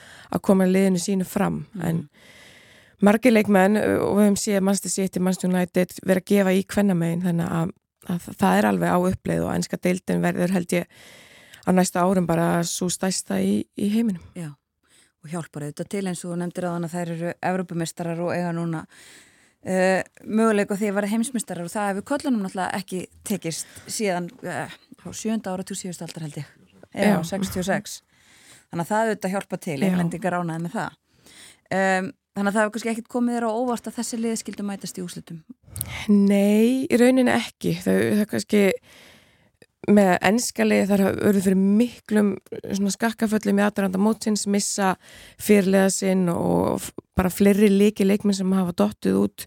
Markaðista leikmannin eh, Beth Mead sem var markaðista Europamótun í fyrra líki crossbandslit og, Frank Kirby sem er bara einn af betur leikmennum heims ekki með þannig að hérna að það kannski kemur á að þar séu komna svo langt, það fóru aðeins auðveldari leið inn í inn í henni úslarleik en að sama skapi bara gert virkilega vel og, og Sarína Víkmann hefur sínt aftur svona snilli sína uh, breytur um leikkerfi í, í miðju móti til þess að þróa sinn leik og, og svona kannski aðlaga leikkerfi að leikmennum sem hún hefur, hefur þannig að það er bara stórt skrif fyrir England að vera komin á þessa leið en sáum stóra þjóðu dett út Þískaland kemst ekki í, í 16. úrslit og við sjáum frakkana dett út sem er líka með, með frábæra mannskap og, og nýjan þjálfara sem við sáum á Katar í fyrra í hérna kallaliðinum þannig að hérna um, nei, kemur ekki óvart að, England og, og spátt séu á þessum stað Nei. Já, tala aðeins í lokin að við erum aðeins búin að koma inn á það en, en uh, svona áhrifin af þessu öllu saman mitt, allri umfylluninni og því hversu gott mótið er og, og, og atvinnumannadeildirnar þetta hefur líka allt áhrif hérna heima og við hefum líka séð svona uppgangin verða hér. Uh, við rættum aðeins um það áður en við fórum í lofti bara uh, met aðsókn á byggarúslitaleik Mhm. uh, hér. Um, en við erum náttúrulega ekki með lið á heimsmyndaramótinu nei. Nei, og, og vorum svona grátlega nála því bara í nokkrum sekundum hann gegn Hollandi. Mm -hmm. Um, dettum svo út í umspili við Portugal og við sáum það alveg á þessu móti að Portugal er með frábært leið, áttu mjög gott mót og þar er kvennakansbrindan á mikillu uppleið, hefur tekið til í bara grasrótinni þar. Um, þannig að, að það er spurning hvort að við þurfum einhvað að skoða hvað okkur veist, hvað eru við stattar bæði líkamlega taktíst bara í öllu umhverfin okkar um, einhvað svona stórt verkefni, þetta gerist ekki á eina ári en það þarf að fara í eitthvað svona greiningavinnu hvar, hvar við erum stattar að því að við eigum leikmenn að hæsta leveli út í heimi, við erum með Klótsi Perli á bæjumunn hérna og Sveinsitt í einu Húlsburg sem eru bara á virkilega stórum stað, höfum átt hérna Söru Björk sem hefur auðvitað unnið alla þessa titla og verið í staðstu liðum heims, þannig að við höfum að skoða kannski munin á melli þessara leikmanna og, svo, og næstu leikmanna, þannig að þetta er bara verkefni sem að mér finnst verðt að þurfa að fara að rína í bæði hjá knastbjörnsambandinu, hjá öllum fjölugunum uh, bæði varðandi umgjörð og umtal hvernig tölum við um hvernig knastbyrnu og annað. Það hefur verið svolítið umræðið um það að það var í, í, í fyrra sumar og, og líka eitthvað núna að uh, einmitt uh, það megi bæta umgjörðina. Finnst þér að það þurfi líka að, já, að fara í græsrótastarfið, fara í yngri flokkana, þurfum við að gefa meira í eins og önnur ríki hafa kannski verið að gera? Já, mér finnst það. Mér finnst bæði bara umgjörðin og, og nú ég er litla stelpi sem er í fótbolta og hef fylgst með hún er að æfa sama tíma og strákarnir þannig að veist, erum við meira í eldingaleik og stórfiskaleik að meðan strákarnir er að spila þú veist, við veist, alveg þurfum að kannski að kíkja á það minnst líka svona, það sem ég hef tekið eftir þegar ég var yngri þá fór maður bara út í fókbalta og svo fór maður heim að horfa fókbalta, við erum ekki að sjá það eins mikið og þetta er auðvitað líka bara á líka við um kallaboltan, þú veist, höfum séð meira bara með tilkomið allar samfélagsmiðla og tölutækja og allt þetta að, að það er ekki eins margar stelpur og nú kannski bara því ég er, er að horfa meira á það sem horfa jafn mikið á fókbalta og kannski minnkynnslógerði og það, það er kannski það er kannski jafn mikið kalla megin, ég veit það ekki en ég hef tekið eftir bara í gegnum ferlinn hjá mér og svo núna þegar ég er að þjálfa að, að við erum ekki að horfa náðu mikið á fókbalta og þar kemur kannski einhvað sem er erfiðar að þjálfa upp sem þjálfari, þú veist, þú getur sett upp takting en þannig kemur leikskilningur inn í og, og annað, ég held að þetta sé líka eitthvað sem við þurfum að, að fara að skoða. Og þetta er frábært að við erum að, að sína alla leiki hérna heima og, og með tilkomu heimavallarins og búðarina sem hefur gert þar, það er, það er rosalega stórt skrif þar sem að þær tóku treyjusölu og nú sér maður bara Sveindís og, og Glótis eru, eru litlar Glótis eru lappandum allt í bæi munjumbúning og það er stórt skrif og það er eitthvað sem við þurfum að gefa meirundi fótinn og, og koma þjálfun og, og líka bara svona hvernig félagun er að halda utanum leikmenn um, og annað. Þannig að það, þetta er alveg stórt verkefni og þetta gerist ekki sjálfu sér. Þannig að mér finnst við alveg geta bara skoða þetta verkefni og ekkert endilega alltaf þurfa að gaggrin heldur bara hvað getur við gert annað eða meðist heldur ekkert alltaf uh, þurfa að gera einskalla á kvennamegin. Svo getum kannski gert eitthvað nýtt kvennamegin sem að kallan getur svo tekið yfir.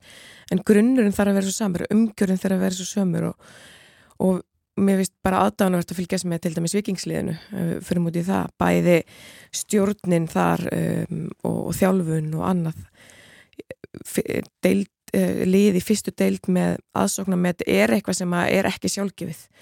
Og við höfum farið í byggarúslit bæði ég hef með stjórnum á móti breyðarbleik sem ætti að vera svona stæsti leikur en svo hefur við líka farið í byggarúslit á móti kannski svona minnisbámanum eins og selfossi. En nú erum við að sé aðsóknar með þetta og mér finnst það aðdánavert hvað hefur mikið starf unnið í viking bara allstar bæði innanvallar og utanvallar komist ekki lengra í byrli kærar þakkir fyrir að koma til okkar á morgumvaktina Adda Baldurstóttir Takk fyrir mig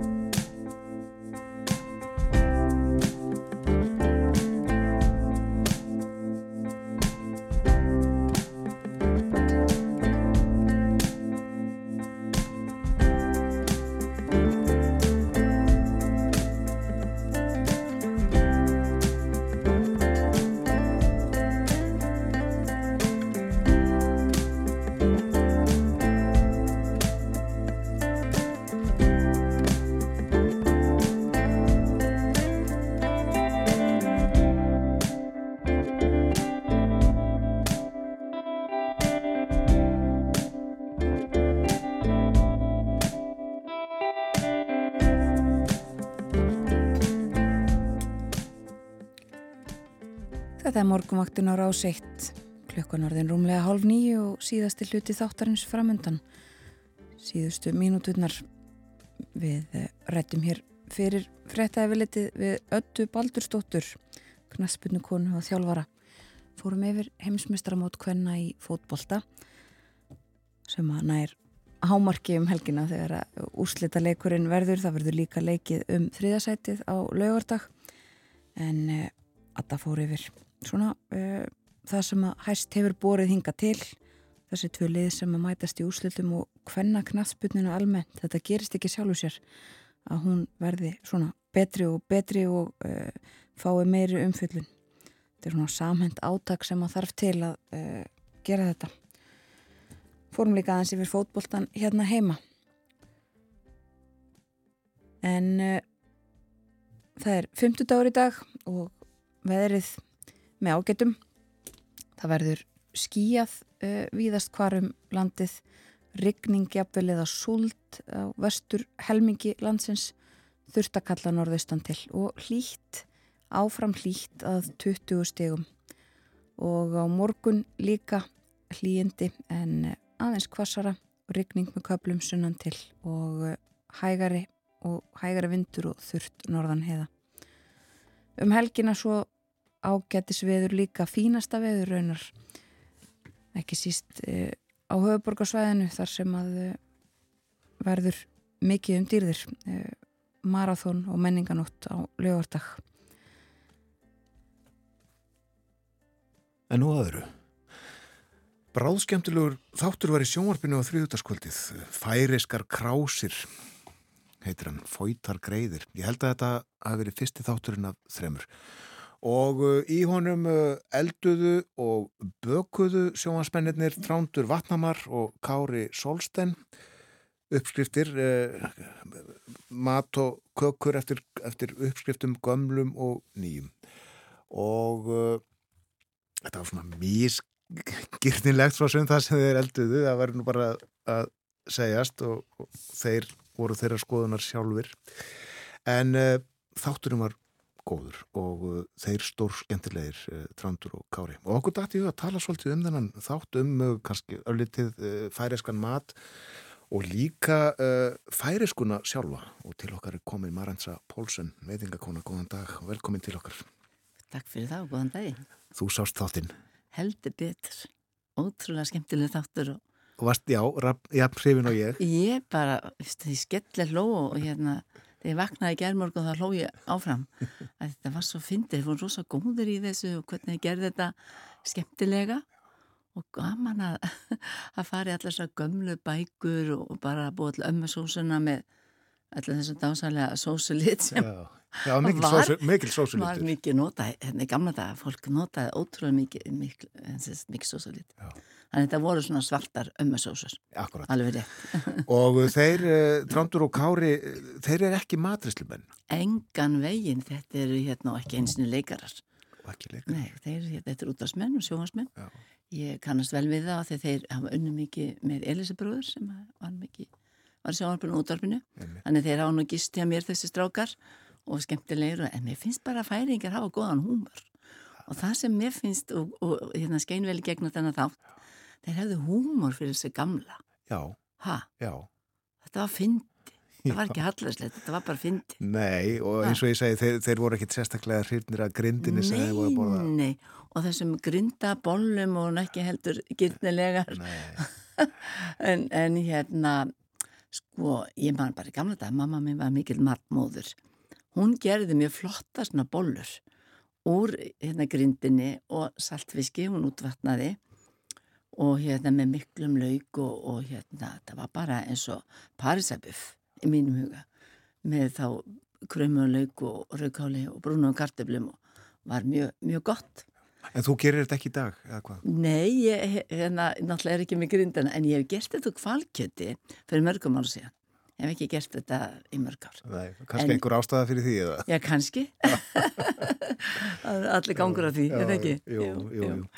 En, En, en skemmtilegt. aðeins kannski að sjónvarstátt að gerðinni, eh, já, þetta var afskaplega vel gerður þáttur og, og eh, ljómandi skemmtilegur. Er mikil uh, innlend framleiðsla á sjónvarsefni í það hefur verið töluvert, töluvert einmitt svona þetta fræslu þættir en, en heilmikið af svona skemmtilegu það hefur verið það gegnum tíðina Já. Þeir hafa svona færiðska hluti. Akkurat. Og þeir voru eins og við segjum uh, að elda upp úr uh, gamlum uppskriftabókum. eld gamalli bók sem hefur verið gefin út alveg margsinnis Já. að því í þessari bók ég er nú búin að eiga hana kannski í 40 ár í þessari bók eru þessar gömlu uppskriftir sem standa alltaf fyrir sínu. Og það er það sem ég er alltaf svo stolta með færiðinga þeir eru einhvern veginn svona þeir leggja alltaf á borðsinn mat. Bara alltaf ef á koma gestir, elendi gestir þá er það svolítið atrið að þeir kynnist að þeir matur er menning.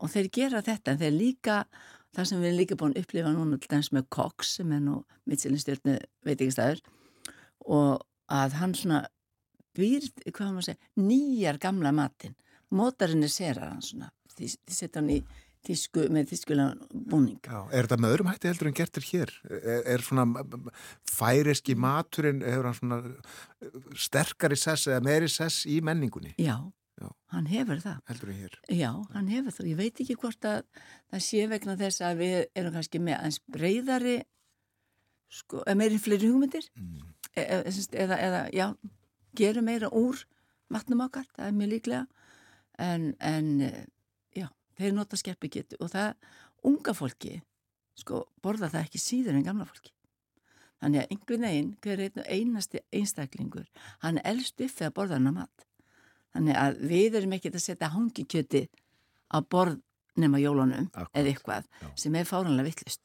Bara vetra matur, okkur borðum við ekki hangikjöti oftar. Já, bara frá september og fram í apríl. Bara, þú veist, allavega, að þetta er bara af hverju þegar koma útlendinga til okkar, af hverju bjóðum við ekki upp á Mm. menninguna sem að tengist. Akkurat. En það gerum við ekki. Nei, Við grillum frekar nautasteg. það er, það er ekkit sérstaklega íslenskt. Nei, engan veginn. Nei.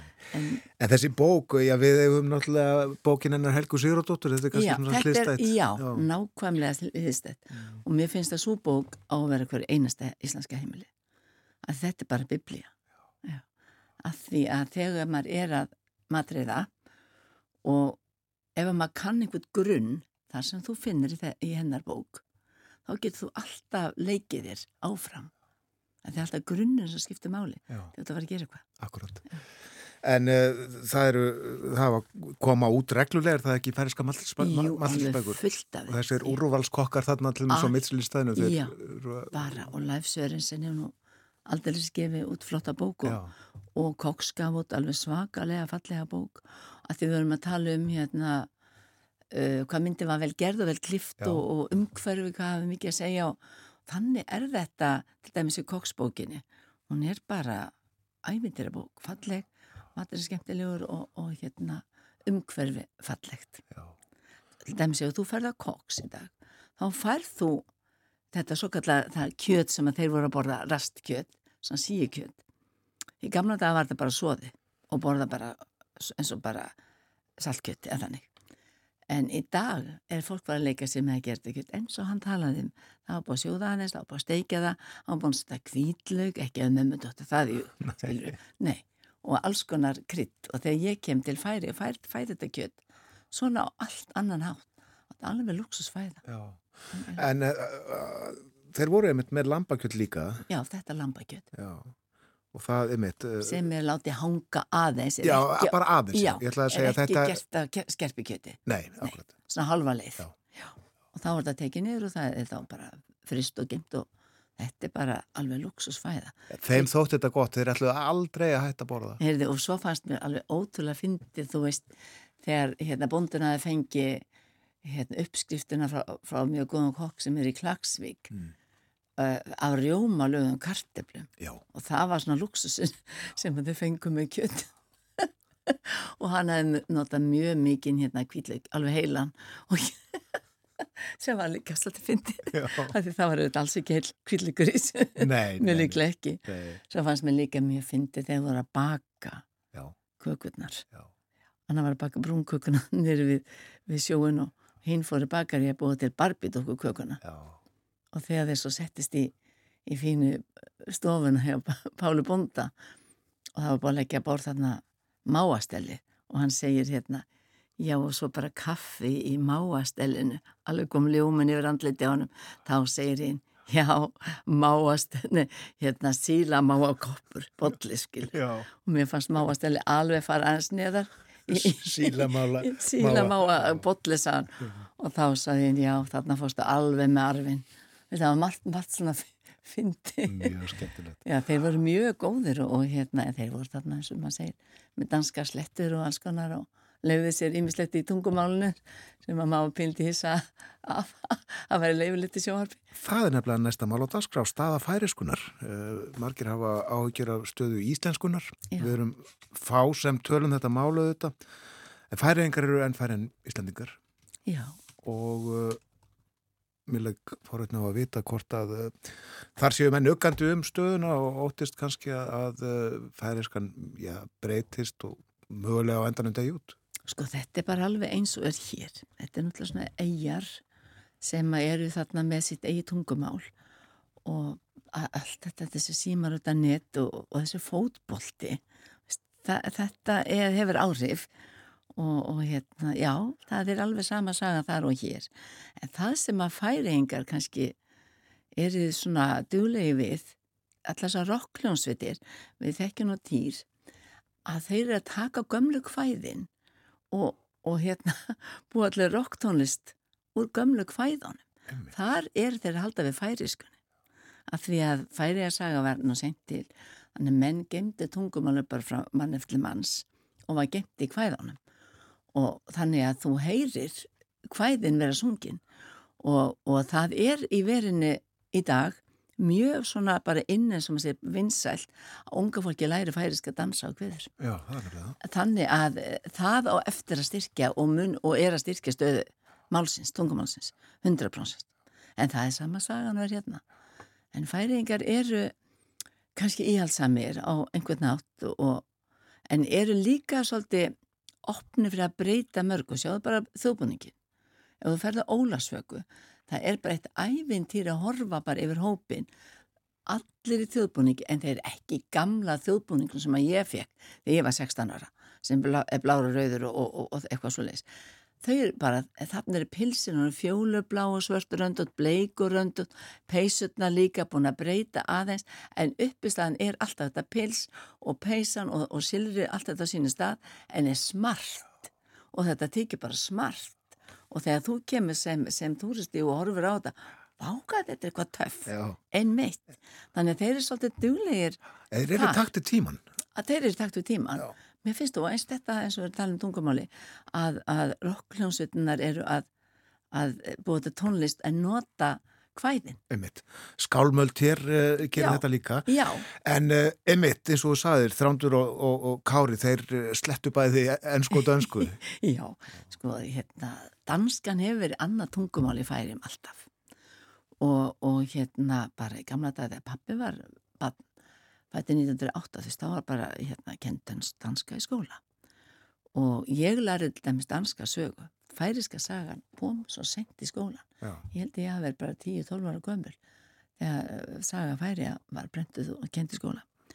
Og ég er nú fætti 50 og, og hérna en mér finnst og fannst alveg ömulegt hérna, sérstaklega en áður þegar ég kom til færi og, og ég var stolt af að geta að tala tungumálum mitt og, og það er mér mikið eh, sko mála að halda málunni við að maður kom kannski inn í apotek og það tala einhver um mann dönsku í færiðum og ég gæti að svolítið pyrruð og ég bara svaraði á, færi sko við komum að þetta skildi bara alls ekki og þá bara fór ég út ég vildi ekki alltaf bjóða mér þetta Ég kaup ekki meðal að þessum nei, manni. Nei, ég kaup ekki meðal þessum manni og, og hérna þannig að, að já, það er fæ- Danir koma til færi setja stað, læra aldrei færisku það er alveg undan tekning ef einhver Danir læri færisku það er ömurlegt.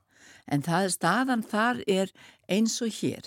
Nú voru þeir í fyrsta sinna að taka flottamenn frá Ukraínu og, og það er meira töluð enska, auðvitað en það sem að færinga gerur og það er líka gert hér allt þetta fólk fer á færisku námskeið.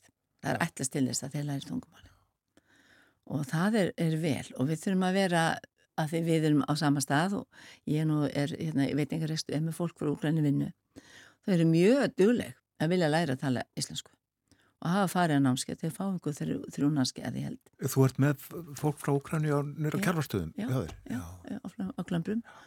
og alveg indislegt fólk og þetta er hámentaði löffræðingar og verkfræðingar og eru komin þeir þarna að afgreða kaffi Já.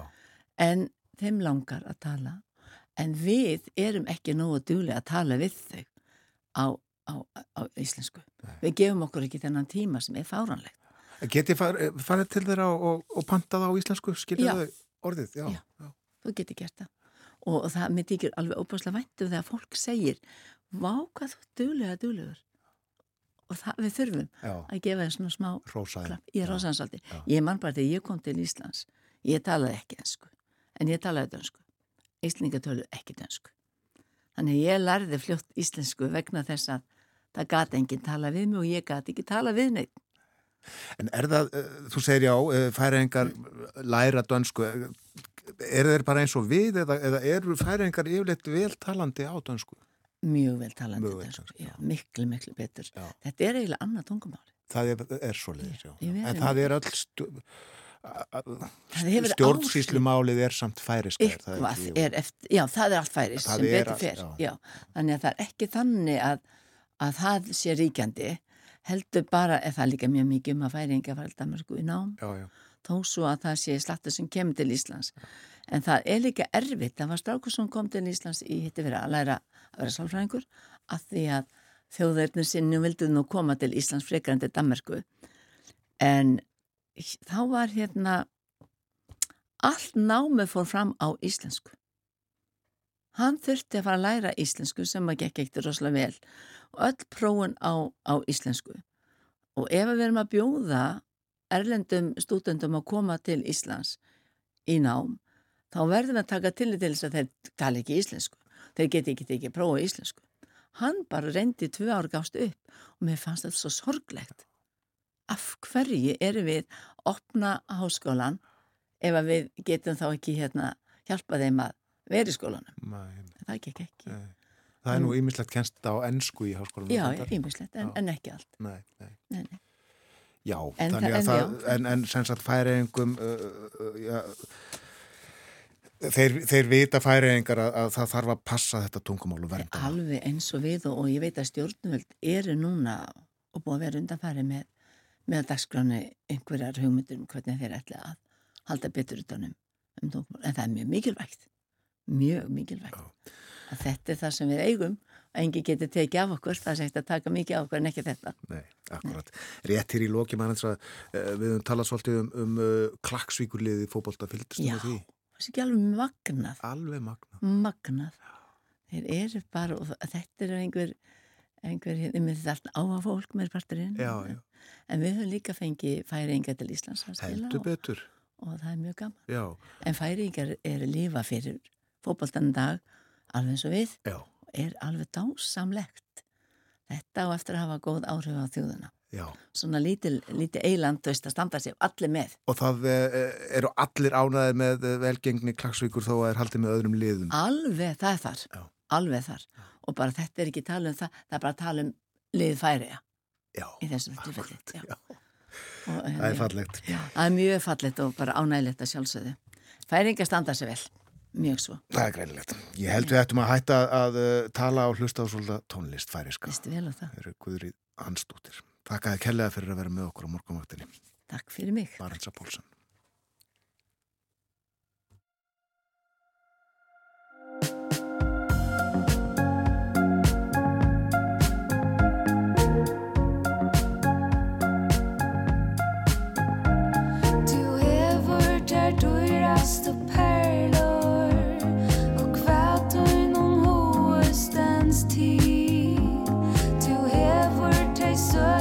to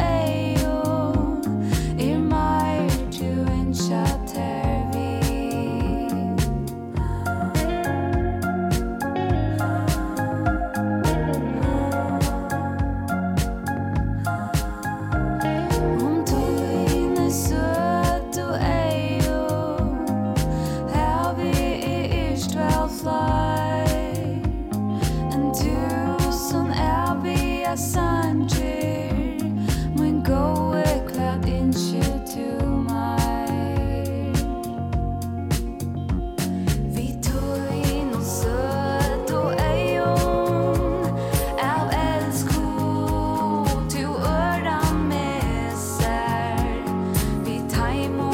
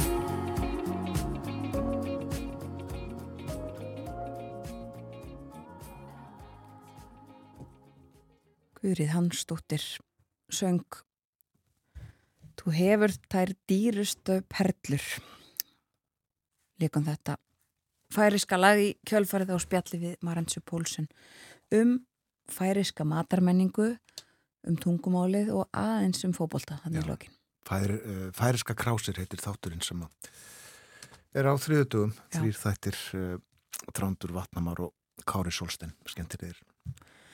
Og við töluðum aðeins meira um fótbolta töluðum líka um uh, erlend málefni en morgunvaktin verður ekki lengri að sinni Þakku samfélgin í dag. verið sæl